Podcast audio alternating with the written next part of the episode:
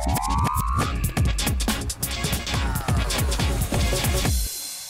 Sveiki, žiūrite laidą Kova dėl vienmandatės ir šiandieną kova vyks dėl naujamešio naujininkų apygardos Vilniuje. Šią laidą Laisvės televizija rengia ne už vyriausiosios rinkimų komisijos pinigus, dėl to kandidatai gali čia ne tik tai pasirodyti, bet ir diskutuoti ir labai tikiuosi, kad taip ir bus. Šiandieną studijoje yra Jeva Kačinskaitė Urbonėnė iš darbo partijos ir Tomas Vytautas Raskevičius iš Laisvės partijos. Ir pradėkime nuo to, kad abu yra Vilniaus miesto tarybos nariai, abu yra baigę politikos mokslus Vilniaus Vilniaus universiteto tarptautinių santykių ir politikos mokslų universitete ir jie būdu yra beveik to paties amžiaus. Kaip paminėjau, jie kandidatuoja naujininkų naujamešio apygardoje. Ir koks netikėtumas tai yra mano apygarda. Taigi vieną rinkėją turite studijoje ir dar tūkstančius turite mus stebinčius. Tai dabar turite puikią progą įtikinti abejojančius rinkėjus, kad jie turi balsuoti už kurį nors iš jūsų, o ne už ką nors kitą. O pirmiausia, būtų vis tiek gerai, kad abu prisistatytumėte, ar norite mesti burtus, ar susitarsit, kuris pirmas. Ačiū. Jeva. Tai... Minutė gerai? Gerai, gerai. Pusantros. Mano vardas Jeva Kačinskaitė Urbonenė, man 30 metų, kartu su vyru Simonu auginame tris vaikus, gyvename naujamestį jau daugiau negu 8 metus. E, prieš metus įžengėme ir naujininkus. Tenai darbininkų gatvėje, man niekaip nepavyksta nutolti nuo darbo partijos, nuo darbininkų. Gal, darbininkų. ne, nesistengiu, tiesiog taip natūraliai kažkaip klostosi darbininkų gatvėje. Atidarėme tokį nedidelį šeimos verslą, pavadinimu Uostas. Todėl, manau, gerai susipažinau jau per tą laiką tiek su naujameščio, tiek su naujininkų iššūkiais, problemomis, gyventojų įvairiais e, interesais. Ir e, manau, kad žinau, kaip juos spręsti. E, kadangi jau antrą kadenciją Vilniaus miesto savivaldybės taryboje, e, tai tikrai susidurėm ir manau, kad tiek renovacijos, tiek triukšmo, tiek administravimo problemų mes negalime spręsti normaliai savivaldoje dėl netobulos teisės aktų bazės. Ir esu pasiruošusi ją taisyti Seime.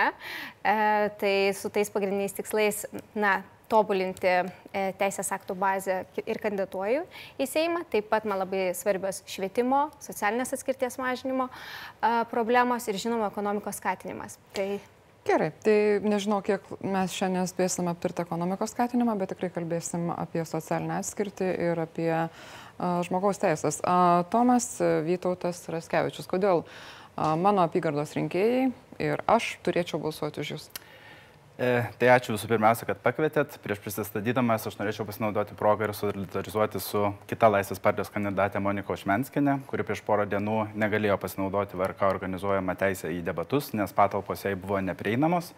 Ir nors VRK sutiko perfilmuoti debatus, e, vis dėlto viešojo komunikacijoje, vakar komentuodami ją situaciją, jie apkaltino Moniką, kad jinai nepriemė organizatorių pagalbos. Priimti. Taip, tai reiškia, nesutiko būti panešėta į studiją Tai aš labai tikiuosi, kad šita situacija geranoriška bendradarbiavimo valia bus įspręsta, bet labai noriu paraginti VRK, kad jie ne tik užtikrintų sąlygas žmonėms turintiems skirtingą galę dalyvauti debatuose, bet taip pat atkreiptų ypatingą dėmesį sudarydami galimybę šiems žmonėms balsuoti, dalyvauti rinkimuose.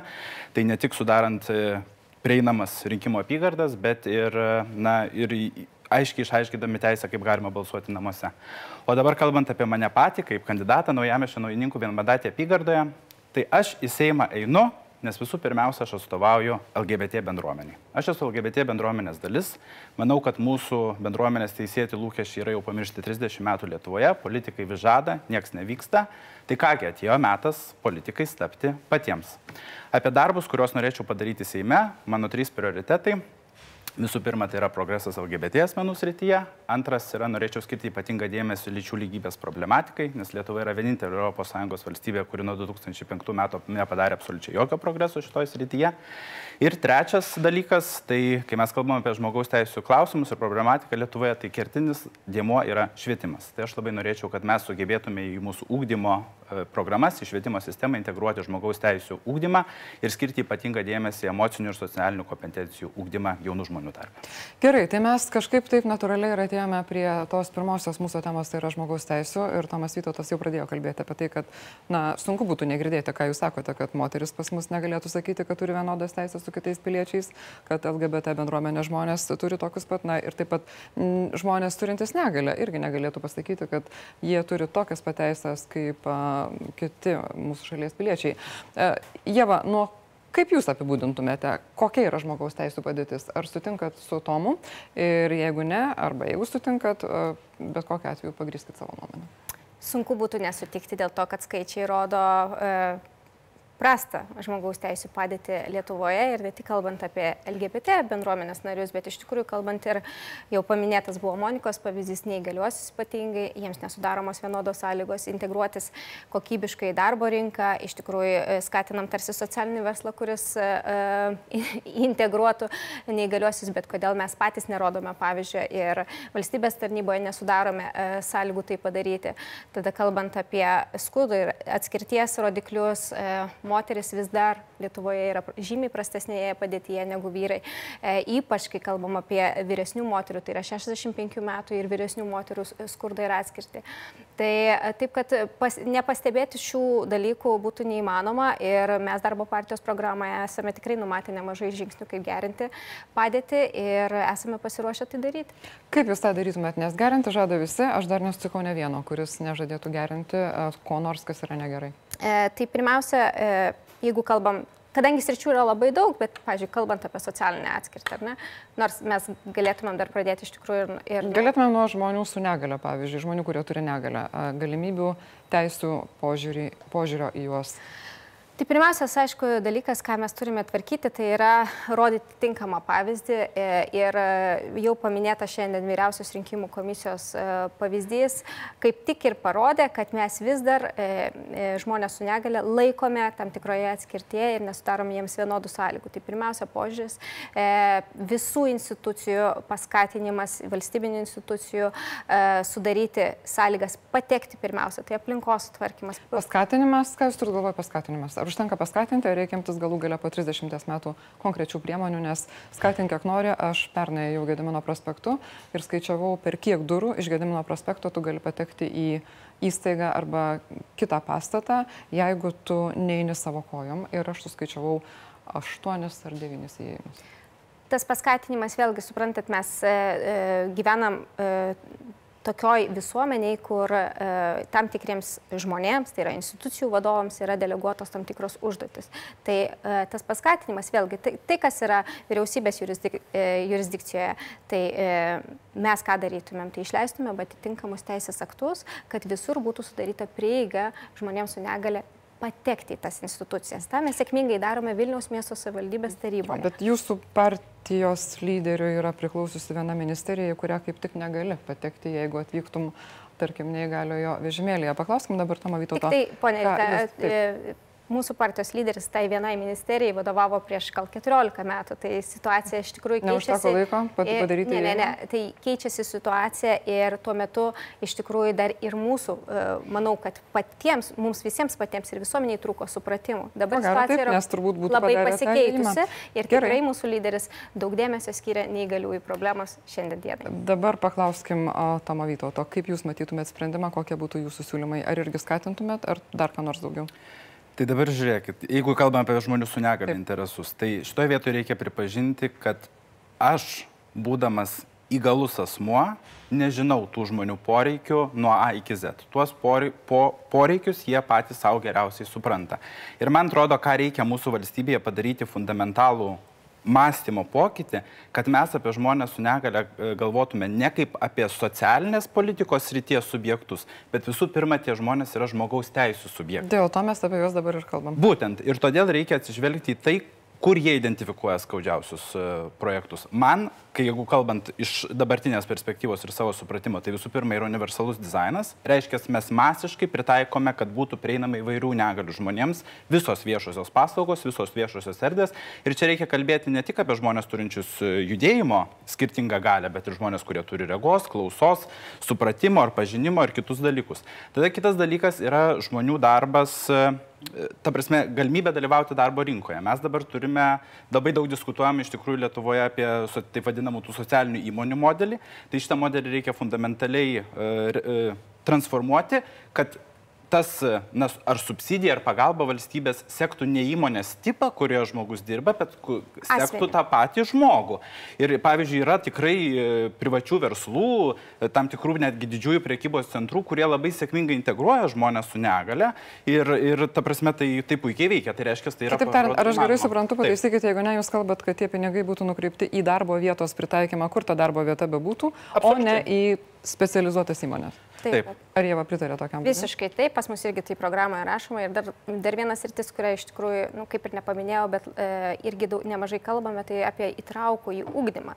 Tai vis, viskas vėlgi prasideda nuo pat mažų dienų ir tas visuomenės požiūris negali pasikeisti per vieną sekundę vien dėl to, kad mes kažkur e, kalbame, tai, tai reikia matyti. E, tokia bendruomenė, visuomenė, kokia, kokia jį realiai yra, reikia gyventi, o net skirti tos vaikus, kurie patiria negalę, kurie turi negalę. E, todėl mes tikrai daug dėmesio skiriame traukiam ugdymui. Ir aš toje vietoje sutinku su Jėva, bet dar noriu ir papildyti, kad turi būti principinis įsipareigojimas, kad segregacija švietimo sistemoje yra, jos negali būti. Ta prasme, jeigu mes negyvensime vienas, kartu, vienas kartu, su, nebūsime drauge kartu, nepažinsime savo skirtų, skirtumų įvairovės, tai tiesiog tos socialinės problemos ir nesispręs. Ir kai kalbam kalbam apie vaikų turinčių specialių poreikių ar turinčių skirtingą gali integraciją į švietimo sistemą, matom kartais ir tokį pasipriešinimą ir iš tų žmonių bendruomenės, tada yra nesudaromos sąlygos, nes reikalingas, na, reikalingas specialus dėmesys. Tai ar, ar e, e, mokytojo asistentas, kuris padėtų tam žmogui dalyvauti to lygiomis teisėmis švietimo sistemoje, bet tai negali nu, būti kaip pasiteisinimas. Jeigu yra reikalingi papildomai resursai, tą reikia skirti, nes, e, kaip ir minėjau, tos segregacijos nebuvimas švietimo sistemoje yra iš tiesų toks kompleksinis ir labai geras tos sprendimo, problemos sprendimo būdas. Bet, bet dabar būtent mes ir turim segregaciją, nes pagal Lietuvos įstatymus mokykla, kuri neturi sąlygų priimti vaiką turinti negalę bet kokią judėjimo regos ar bet kokią kitą, jinai tiesiog gali pasiūlyti tam vaikui, tiksliau jo tėvams susirasti kitą mokyklą, kuri yra pritaikyta tokiam vaikui mokytis. Ar keistumėte tokią įstatymo nuostatą? Būtinai ir, tai, ir čia labai svarbus iš tikrųjų yra ir savivaldybių dėmesys ir požiūris į tai, nes būtent savivaldybės yra tų mokyklų steigėjos ir jos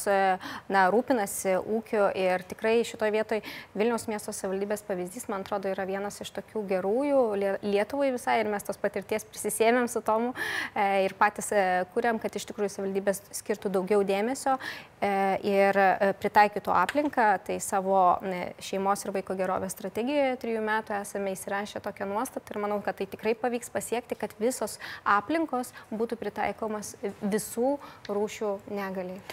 Eikim prie šeimos. Apibūdinkite, kas abiem, tai yra kiekvienam iš jūsų, kas yra šeima, kaip, kaip jūs suprantate šeimą.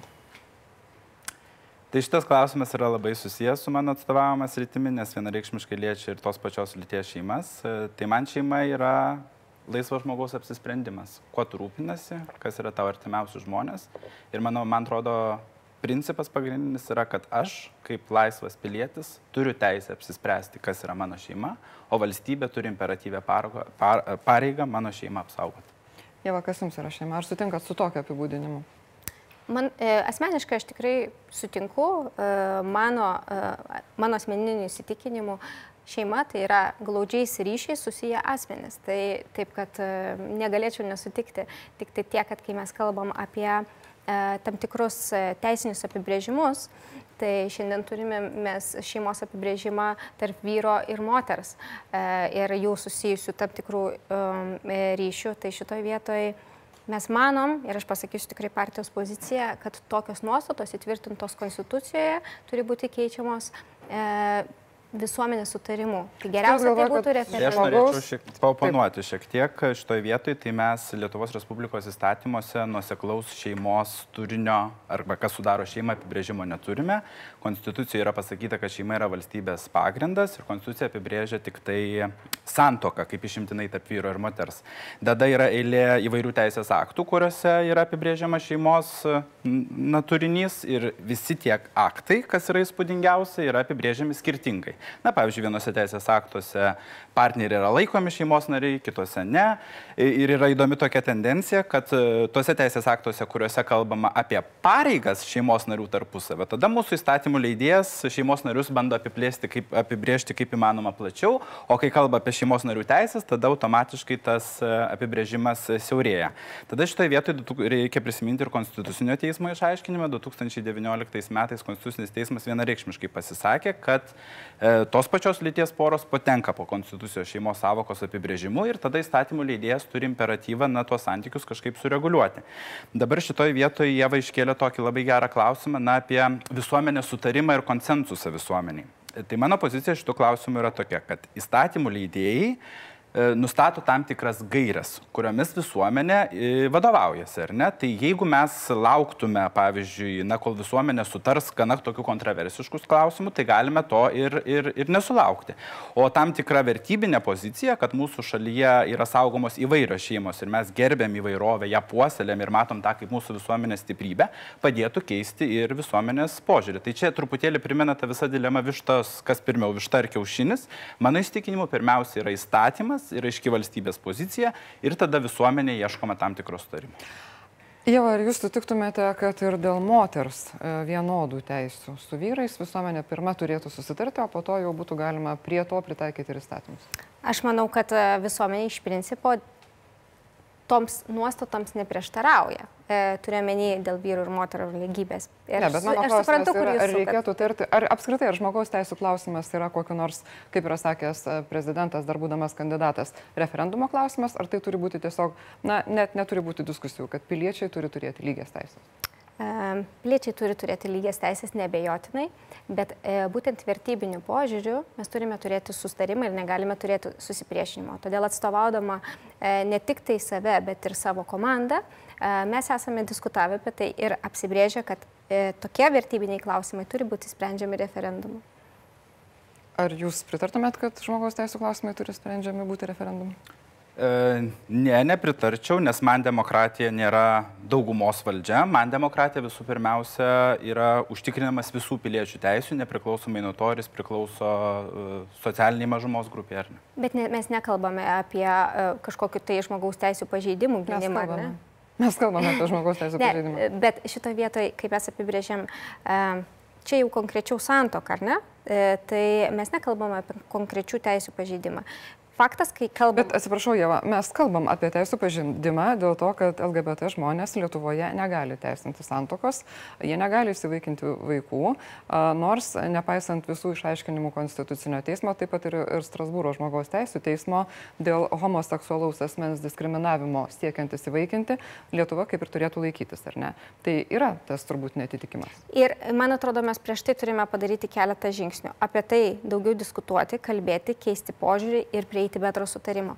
E, skatindami arba e, buldozerių priimdami vienus ar kitus įstatymus, mes galime pasiekti didesnį susipriešinimą negu sutarimą. Ir dėl tos priežasties būtent tokią poziciją ir atstovaujame. Aš tik tai gal dar šitą mūsų diskusiją pailustruosiu tokiu praktiniu pavyzdžiu, su kuriuo aš pats asmeniškai susidūriau, dirbdamas Vilniaus miesto savivaldybės taryboje, na aš esu valstybės politikas, ar ne?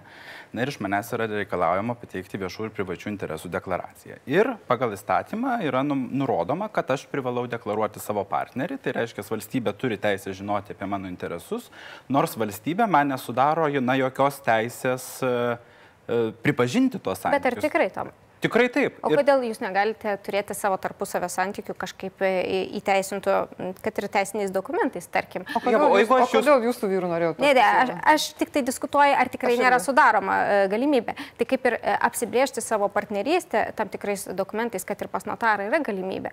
Bet jūs irgi tokią galimybę turėjote, žinoma, kad... tačiau pasirinkot kitokią. Bet aš, aš pasirinkau tai gal... Nu... Tai šitoje vietoje... Bet taip. jūs galėjote rinktis, o Tomas Vytautas negali. E, gali rinktis, e, rinktis apibriežti savo e, su partneriu teisės ir pareigas. Turi galimybę apibriežti pagal Lietuvos Respublikos įstatymus, tačiau negali sudaryti santokos. Ir tai šiek tiek truputėlį skirtingi dalykai. Bet tai visiškai sutikdamas su Jėva, kad taip, aš turėdamas teisinių žinių, būdamas privilegijuotai pozicijai, iš tiesų galiu su savo partneriu nueiti ir pas notarą sudaryti įvairias rytis apimančią kažkokią notarinę su... sutartį. Bet visų pirma, reikia pripažinti, kad man mano šeimos santykių pripažinimas nėra tik praktinių problemų sprendimo būdas. Aš kaip orus Lietuvos Respublikos pilietis nenori žemintis ir turėti kažkokias kitokias teisės negu e, visi normalūs žmonės. Ta prasme, nes nu, tai yra tiesiog orumo klausimas, nes ta, tas pripažinimas, taip jisai turi daug praktinių aspektų šeimos santykių, bet jis ir turi na, tam tikrą valstybė išreiškia poziciją, kad jinai vertina mano šeimos santykius, vertina tai, kad mes poroje rūpinamės vienas kitų, sudarom glaudų ryšį ir uh, tokiu būdu na, pa, palaikomus. Tai va šito, šito simbolinio palaikymo šiandien nėra. Pripažįstu, kad nėra, bet valstybė tai nėra kažkas, nu, kažkas, tai yra jos piliečiai, tai yra visa visuomenė. Būtent. Ir šiandien to visa visuomenė, didžioji visuomenės dalis, mes matome apklausas, neišreiškia to palaikymo. Ir tada kokią teisę valstybė turi, e, neturėdama to palaikymo. Bet žiūrėk, palaikyti. Jeva, jeigu šitoj... Aš, Tomai suprantu ir man jeigu tikrai mes... sunku diskutuoti, kai mes... Uh, kai, uh, tai asmeniškai pritarėt, bet partijai ne. Ar ne, taip? ne visai taip. Tai kaip? Kai labai... Kaip gerai pažįstu Tomą, kai tikrai pažįstu kitas e, e, homoseksualias poras ir tikrai e, suprantu e, tos vidinius išgyvenimus, kurie yra, bet kaip e, valstybės politikė e, ir matydama, e, kokį susipriešinimą tai gali iškelti, aš vis dėlto e, norėčiau laikytis nuoseklumo. Pirmiausia, mes švieskime, kalbėkime apie Kiek tai. Kiek metų dar šviesim, kiek kadencijų? Ne, negaliu pasakyti, kada bus visuomenė pasiruošusi o, jie, priimti. Galiu kitą... paklausti tavęs. Žinoma. Jeigu nutiks taip, kad mes abu pateksime Lietuvos Respublikos Seimą. Aš esu savo rinkėjams įsipareigojęs partnerystės įstatymą pateikti per šimtą dienų. Tu palaikysi mane ar ne? E, manau, kad partnerystės įstatymą tikrai palaikysiu. Gerai. Prisimins. Aš dar norėčiau paklausti, kaip šitas skirtingų teisių ir labiausiai teisų nepareigų turėjimas prisideda, mažina arba didina socialinę atskirtį jūsų abiejų manimų, kalbant apie LGBT bendruomenę. Tai e, kalbant apie LGBT bendruomenę, tai reikia suprasti, kad LGBT bendruomenė nėra uh, monolitiška. Ne? Jis kaip ir visuomenė yra labai įvairi ir, ir iš įvairių susideda dėmenų. Ar ne? Pavyzdžiui, aš kaip e, atvirai sakantis, kad aš esu homoseksualus Lietuvos Respublikos pilietis, aš nesusiduriu nei su diskriminacija, nei socialinė atskirtim, bet reikia labai aiškiai vartinti, kad aš esu privilegijuotoje pozicijoje. Aš gyvenu Vilniuje, dirbu geroje darbovietėje, bet pavyzdžiui, man kas yra baisiausia, kad e, tose regionuose, ar ne ypatingai kalbant apie jaunus žmonės, kurie neturi to kažkokio bent minimalaus pagalbos ar paramos tinklo, tie žmonės iš tiesų yra, nu, socialinė atskirti ir, ir, ir mes matom e, tą liūdinančią statistiką, kad Lietuva pirmauja pagal e, jaunų žmonių savižudybių skaičių. Ir man tikrai yra nuoširdžiai baisu, nes aš žinau, kad toje savižudybių statistikoje yra ir homoseksualių jaunų žmonių, kurių galbūt tą lemtingą žingsnį pastumėjo tos sąlygos, kad mes nesugebam visuomeniai susitarti šiais e, klausimais. Tai e, iš dalies ir mano dalyvavimas tam viešam gyvenime yra susijęs su tuo, kad aš nu, noriu parodyti, kad yra, yra žmonių, kurie tikrai palaiko, kurie tomis temomis kalbam ir, nu, man atrodo, tokia yra mano pirminė užduotis - išsiųsti aiškiai žinutę, kad ne visi yra nusistatę prieš. Nes ta grupė, kurioje savižudybių skaičius yra na, tikrai šokiruojantis, tai būtent ir yra 15-19 metų amžiaus grupė, tai yra lytinės brandos ir suvokimo, koks tu esi ir kad nebūtinai tu esi toks, apie kokius kalba, kad yra gerai. Mes tokios statistikos neturim, bet tiesiog galim. Amžių turim. Tai, nu, amžių tai, bet jo, priežastis, bet, dėl ko, tai bet gali būti. Priežasčių gali būti įvairių, dažniausiai kompleksinės, bet tikrai yra atlikta ir tyrimų, kurie sako, kad tai prisideda. Kokie kiti būtų būdai mažinti socialinę atskirtį Lietuvoje? Į ką jūs, jeigu patektumėte į Seimas, kreiptumėte daugiausia dėmesio ir kam skirtumėte daugiausia laiko? Tam, kad e, socialinė atskirtis sumažėtų. Apskritai socialinė atskirtis.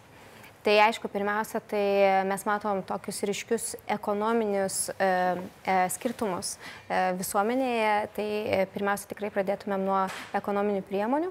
Ir tas 7,3 karto tarp skurdžiausiai gyvenančių ir turtingiausių yra šokiruojantis. Mes esame lyderiai kabutėse. Bet ką jūs darytumėte? Nes skirtumą mes visi žinom. Kokiam priemonėm jūs mažintumėte? Juk neatimtumėt iš vienų ir netiduotumėt kitiems, aš taip labai tikiuosi, nes tada reikėtų nemažai atimti iš jūsų partijos pirmininko jisai ir šiaip yra pasiruošęs labai daug ir atiduoti ir jisai atiduoda. Ar čia, ar čia būdas yra mažinti socialinę atskirtį? Manau, kad tai sąmoningas apsisprendimas dalintis, tai yra vienas iš... Taip, bet mes kalbam apie valstybės politiką. Tai vienas dalykas, aišku, didesnis biudžeto perskirstimas e, yra mūsų partijos irgi programoje ir mes manom, kad e, mūsų tos išrašytos priemonės yra padedančios mažinti e, turtinę neligybę. Ir aišku, darbo partija visada kalbėjo ir kalba apie minimalus e, mėnesinio atlyginimo didinimą, taip pat pensijų e, dydžius, kurie turi būti ne mažesni negu minimalus mėnesinis atlyginimas. Tam tikro krepšelio paslaugomis ir prekiamis sudarimas seniorams, vyresniems negu 65 metų amžiaus patiriančiams skurdą arba socialinę atskirtį. Tai yra pirmiausia tos pajamų dalis. Kitas dalykas, aišku, e, socialinė atskirtis yra kaip kompleksinis reiškinys, todėl socialinės paslaugos, socialinių darbuotojų, tinklo ir kompetencijų didinimas, e, taip pat e, bendruomeninių namų, kurie būtų ne tik regionuose, bet ir miestuose stiprinimas ir tam tikslinio finansavimo skirimas su tiksliniam paslaugom, tai yra tos priemonės, kurios padėtų tikrai mažinti socialinę atskirtį. Jūs nepaminėjote, net neužsiminėte apie švietimą. Tomai Vytautai, ar jūs Prieš irgi tai nematote?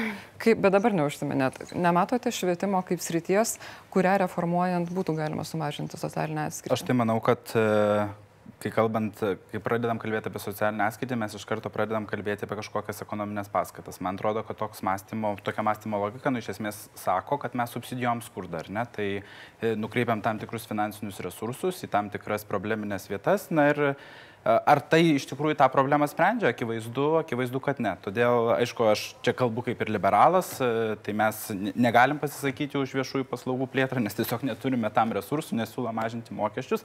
Bet man atrodo, ta socialinė parama, bet kokia ji bebūtų, jinai turi būti labai taikli ir nukreipta būtent ten, kur labiausiai skauda.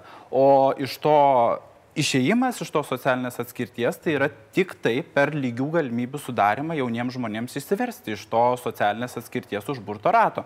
Ir čia mes galim, e, pritariu Jėvai apie daugelį dalykų, kurį jinai kalbėjo, apie socialinės paslaugas ir taip toliau, bet švietimas šitoje vietoje yra kertinis.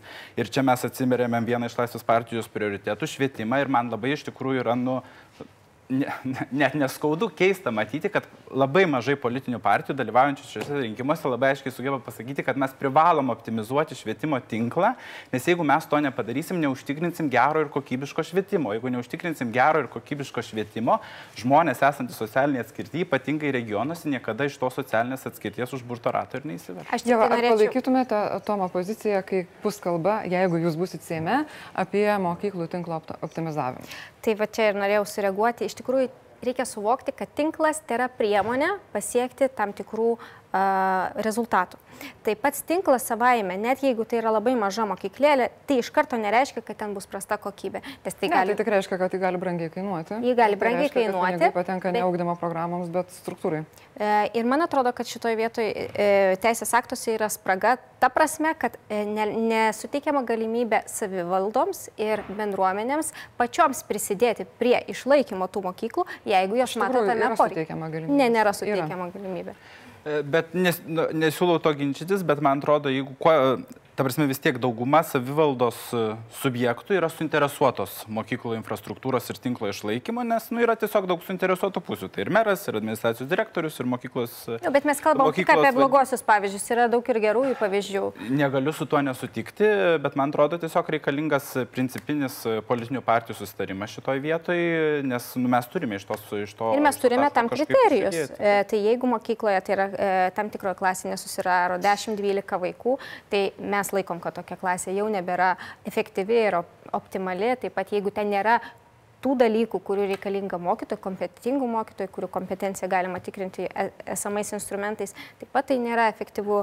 Tai taip, kad mes esame išsirašę tos kriterijus ir tikrai jais e, tikimės, kad galėsime vadovautis. Bet noriu pabrėžti, kad tinklas tai yra priemonė. Mes tikrai turime matuoti ir vienodai sutarti, kas yra kokybiškas mokymas, nes tokio sutarimo irgi neturime Lietuvoje. Ir kai sutarsime, turėsime tam, tam tikrus kriterijus, tada galėsime spręsti, ar mažos kaimo mokyklėlės tikrai yra uh, uh, tos, kurios nu, vien tik tai generuoja kažkokį tai nekokybišką uh, ugdymą. Tomai, norit ką nors pridėti dar? Ar... Nes mūsų laikas senka. Ir... Aš tiesiog gal irgi antrindamas daug ką pasakė Jėva, man atrodo, kad kai mes kalbam apie švietimo sistemą, tai turim labai aiškiai savo identifikuoti, kad švietimo sistemos epicentre yra moksleivis. Taip. Ir mes turim, pri, turim suturėti drąsos ir politinio ryšto priimti nebūtinai populiarius, bet teisingus sprendimus, įskaitant ir mokyklų tinklo mažinimą, turėdami omeny, kad tai generuos geresnės švietimo paslaugas moksleiviams. Ir to vaiko ateitį užtikrins geresnė turbūt taip pat. Dėkoju labai šiandieną už jūsų laiką, ponė Jevai Kačinskaitė Urbanienė iš darbo partijos ir Tomai Vytautui Raskevičiui iš Laisvės partijos. Ir tikiuosi, kad a, rinkimai bus jums kažkuriam tikrai turėtų būti sėkmingi, labiau negu vienam kažkuriam negu kitam. O aš labai dėkoju Laisvės televizijos žiūrovams ir tiems, kurie tą televiziją palaiko. Dėl to jūs galite matyti kandidatų diskusiją, o ne pasirodymą ir prisistatymą. Tik prisistatymą. Ačiū labai. Iki.